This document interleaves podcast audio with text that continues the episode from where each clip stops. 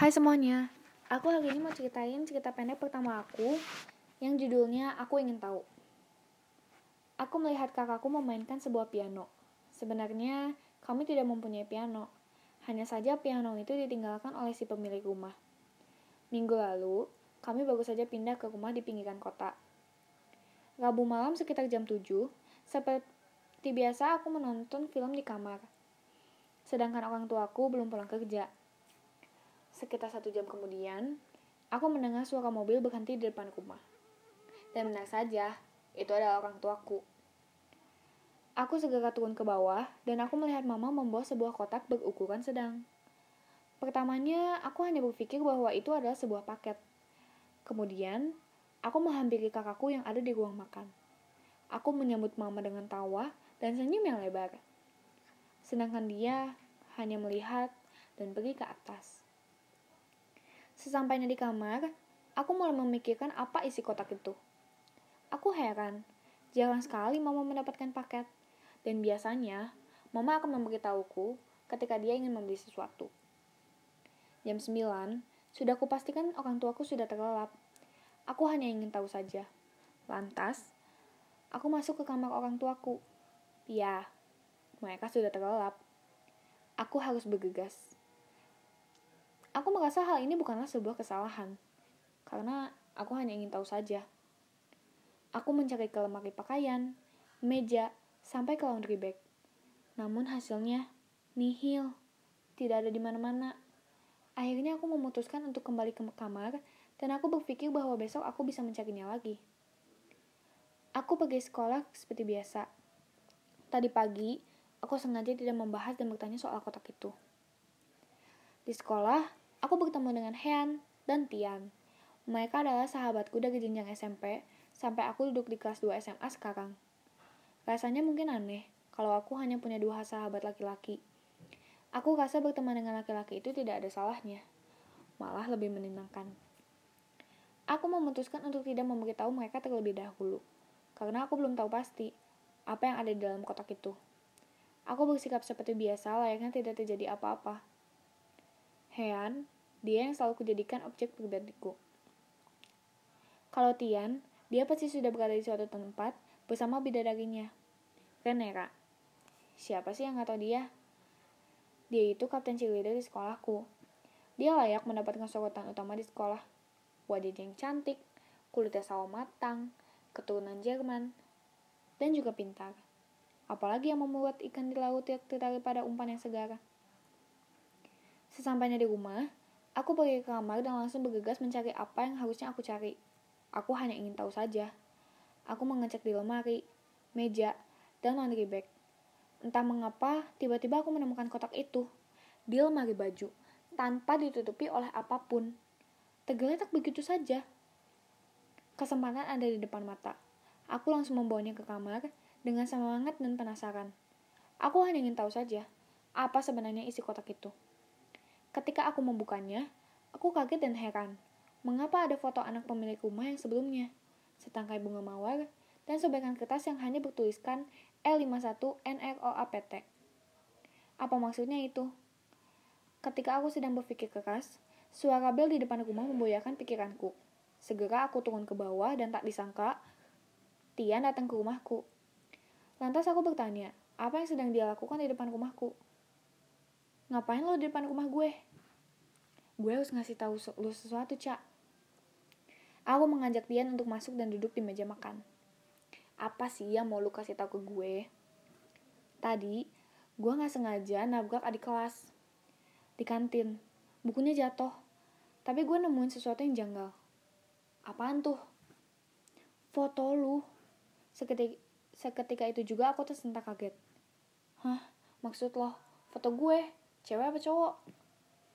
Cewek cak gue juga nggak tahu. Ngapain dia menyimpan foto lu? Oke. Besok lo harus tunjukin siapa cewek itu. Berani beraninya dia nyimpan foto gue tanpa sepengetahuan gue. Aku berpikir bahwa ini adalah saat yang tepat untuk memberitahu apa yang kudapat di dalam kotak itu. Yan, sebenarnya ada yang mau gue kasih tahu juga kalau tapi lo harus janji ya lo harus bantuin gue. Lu kira kita baru kenal tadi pagi? Ya gue pasti bantu lo lah, Cak. Aku segera mengambil kotak itu. Nih, An. Rabu kemarin, gue liat mama bawa kotak ini. Gue pikir itu cuma paket biasa. Tapi pikiran gue tuh gak tenang, Yan. Makanya, gue menyelinap ke kamar mama. Untuk tahu apa sih isi kotak itu. Bagus, lo jadi nakal sekarang. Enggak, Yan. Gue cuma pengen tahu doang. Apa sih isinya? Lu tahu kan gue kepo orangnya. Dan gue pikir itu bukan salah yang bisa bikin mama papa gue marah. Ya udah, apa isinya? Aku membuka kotak itu dan ekspresi Tian membuatku heran. Kenapa ekspresi muka lu kayak gitu? Ih, ini ada kelas yang gue ceritain tadi, Cak. Hah? Maksud lo? Kenapa dia bisa nyimpen foto gue dan gue bisa nyimpen foto dia? gue nggak tahu pasti. Apalagi yang lo dapat dari kotak itu. Gue cuma dapat setangkai bunga mawar dan sobekan kertas yang gue aja nggak tahu artinya apa. L51 NOAPT apa maksudnya itu?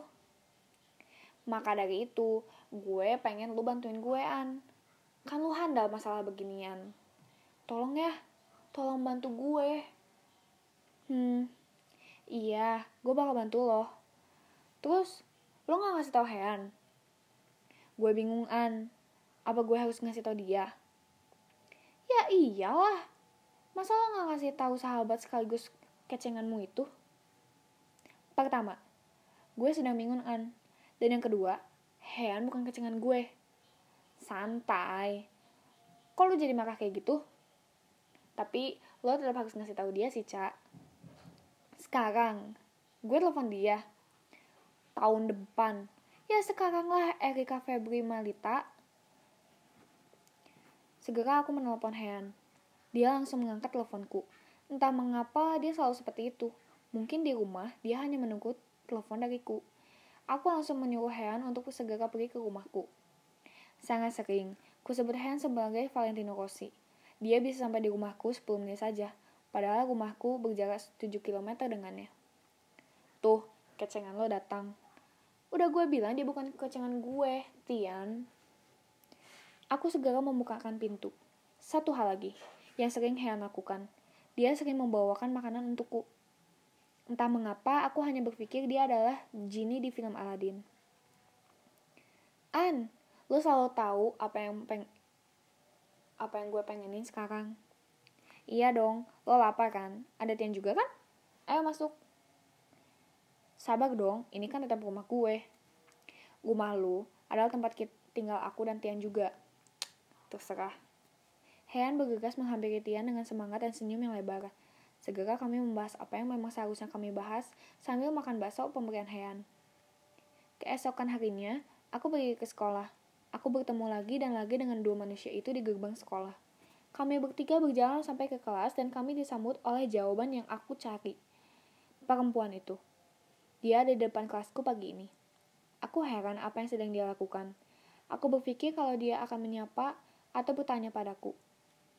Melihat saja tidak. Aku melihat di atas mejaku ada sobekan kertas lagi. Sobekan kertas yang sama. Dengan apa yang kudapatkan di, di kotak itu. Aku segera pergi ke depan kelas untuk melihat perempuan itu. Hasilnya, perempuan itu tidak ada. Selama pelajaran, aku hanya memikirkan terus perempuan itu. Aku memikirkan bagaimana caranya aku bisa bertemu dengannya. Jam istirahat pun tiba. Aku tak peduli lagi apa perutku lapar atau tidak. Aku hanya ingin mencari dan bertemu perempuan itu. Hasilnya tetap sama. Perempuan itu tidak ada. Aku hanya diam, tertegun kesal di kantin. Lo kenapa sih, Cak? Aku menghiraukan sapaan Tian di kantin hari ini. Begitu juga Heran. Mereka hanya menatapku dengan muka heran. Kita harus mencahin tulisan itu. Mereka tersentak kaget dan mengiyakan perkataanku tadi. Setibanya di rumah, aku langsung pergi ke ruang makan untuk memecahkan tulisan itu bersama Tian dan Hean. Satu jam kemudian, akhirnya kami bisa menyelesaikan tulisan itu. Peter nomor 51. Hah? Apa maksud lu, Yan? gue nggak ngerti mungkin sebuah kode Nama punggung? Atau jangan-jangan alamat? Hean, lo berhasil mencahin itu. Gue rasa itu adalah sebuah alamat. Hmm, baiklah. Peter nomor 51. Gue akan cari di internet. Sebentar. Erika, Tian, ini alamat minimarket di dekat sekolah kita. Hah? Kalemart maksud lo? Apa yang harus kita lakuin di sana? Belanja untuk kebutuhan si cewek itu. Tenang, Cak. Kita pergi dulu aja. Di sana kan kita nggak tahu apa yang bakal kita nemuin dan apa yang kita lakuin. Sesampainya di Kalemart, kami semua bingung apa yang harus kami lakukan. Akhirnya kami memutuskan untuk masuk ke minimarket tersebut. Awalnya kami tidak menemukan apa-apa, tapi anehnya, Hean mencium bau amis dari belakang minimarket. Kami berpura-pura untuk menumpang ke toilet untuk mengetahui apa yang sebenarnya ada di sana. Langkah kami terhenti. Perempuan itu, yang selama yang selama ini aku cari, datang menghampiri kami dengan muka memelas. Jangan, Kak. Kami semua bingung. Apa maksudnya jangan?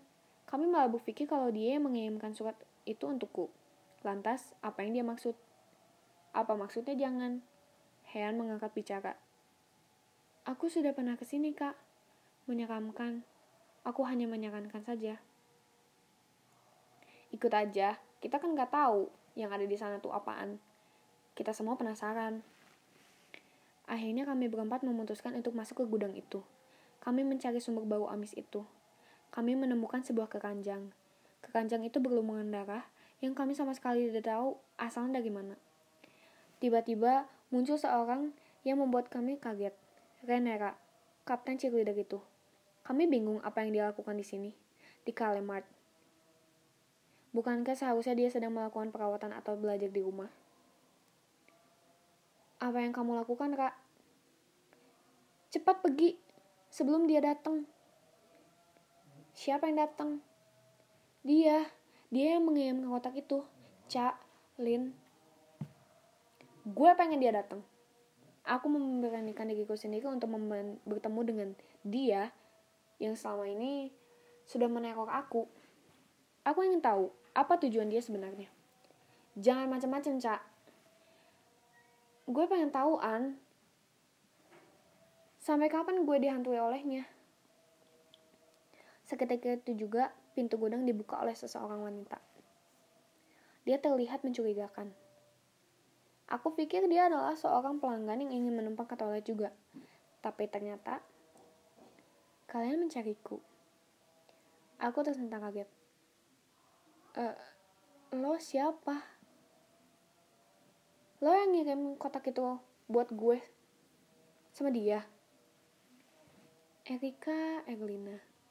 Perpaduan yang sangat menawan. Kalau saja ibumu tidak mengusik keluargaku, aku tidak akan pernah mengganggu kalian. Aku tidak pernah merasa bahwa aku mengenal dia, dan juga kami semua tertegun dengan kalimat, "Kalau saja ibumu tidak mengusik keluargaku." Membingungkan, bukan? Rasanya sakit. Itu yang keluargaku rasakan selama ini. Ya meskipun begitu, gue gak kenal Elna. Gue aja baru ngobrol tadi dan gue juga bawa kenal tadi. Erika Erlina. Bodoh. Selama ini kamu tidak menyadari itu. Mungkin memang kamu belum menyadarinya. Nama panjang kalian itu sama. Erika Febri Malita dan kamu. Kamu adalah Erina Francesca Marlita. Menarik bukan? Kami semua benar-benar terheran-heran oleh kenyataan mengejutkan ini. Kamu tidak pernah bertemu dengan ibumu. Bukan begitu, Erlina? I iya. Sangat jelas jawabannya. Karena ibumu tinggal dengan Erika, kakak kandungmu itu. Dulu, ibumu mempunyai banyak hutang pada ayahku. Tapi ayahku sangat mencintai ibumu. Mereka berdua menikah dan melahirkan kalian berdua. Ayahku mulai melupakan hutang ibumu. Sampai suatu ketika, ayahku bangkrut dan tebak apa yang ibumu lakukan. Ibumu meninggalkan ayahku dan membawa kalian pergi. Aku tidak tahu apa motivasi ibumu memisahkan kalian berdua. Tapi yang jelas, ayahku berantakan sekarang. aku menangis sejadi-jadinya. Heanantian hanya bisa menggangguku. Aku rasa keingintahuanku mendatangkan mimpi buruk. Oh iya, kalian pasti bingung kan? Darah siapa itu? Itu adalah darah ibu Mary Jessica Marlita.